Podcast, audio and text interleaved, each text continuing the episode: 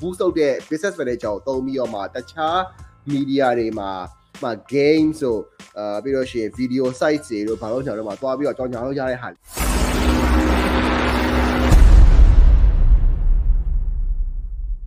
အာနောက်တစ်ခုကိုအောင်ကောင်းမင်းမေးထားတာက audience network uh, native banner and inter inter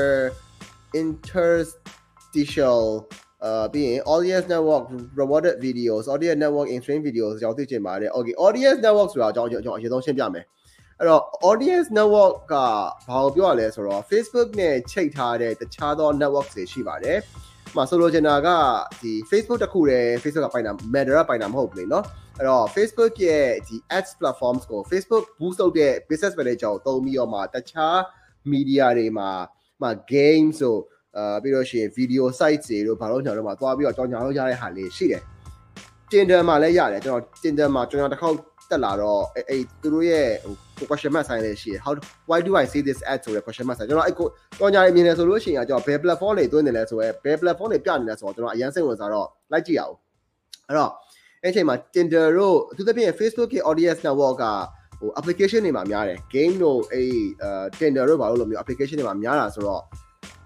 အဲ့ဒီအဲ့ဒီ network ကြီးတစ်ခုအဲ့ဒီ software အဲ့ app network ကြီးတစ်ခုလုံးက Facebook ရဲ့ audience network လို့ခေါ်ပါတယ်အဲ့တော့ Facebook ဒီ ads manager ထဲမှာသွားပြီးကြင်ညာယုံနဲ့အဲ့ဒီ audience network ကိုရွေးထားခဲ့ရဆိုလို့ရှိရင်တခြားသော application တွေမှာလည်းဟိုကျွန်တော်တို့ရဲ့ကြော်ညာမြင်ရနိုင်ပါတယ်အဲ့တော့အမှအမှကျွန်တော်တို့ကကွဲသွားတာပါအဲ့တော့ in stream video ဆိုတာကျတော့အဲ့ဒီ အဲ့ဒီ audience network က video တက်နေတယ် video ဟို pro video application တွေဆိုလို့ရှိရင်ကကျွန်တော်တို့ရဲ့ကြော်ညာဒီအဲ့ video တွေရဲ့ဂျာထဲမှာထုတ်ပါလိမ့်မယ်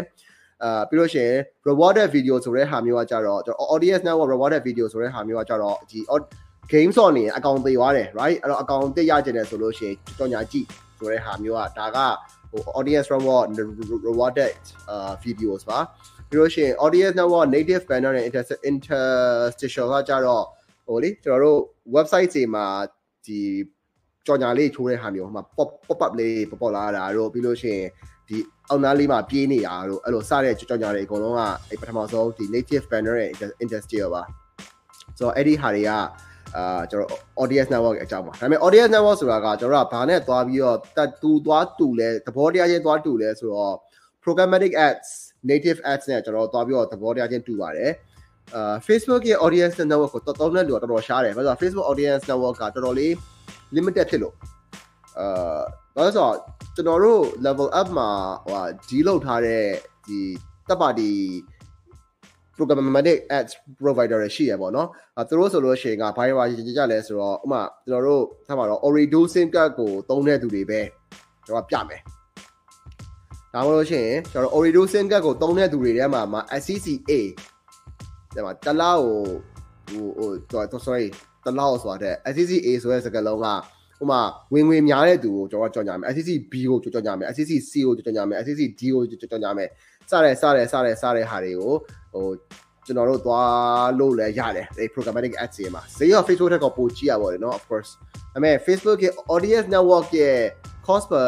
ဟို benchmark တွေကဘယ်လောက်ရှိလဲကျွန်တော်လည်းမသိဘူး ဒါဆိုမြန်မာနိုင်ငံမှာအဲ့ဒီ audience network ကိုသုံးတဲ့လူကတော်တော်ရှားတယ်ကျွန်တော်လည်းဒီဘက်မှာအကယ်လို့တခြားသောကျွန်တော်ဘက်က client တွေကတခြားသောအာ website တွေမှာဥပမာထားပါတော့ကျွန်တော် Viber ကိုလူဆွဲခေါ်ခြင်းလို့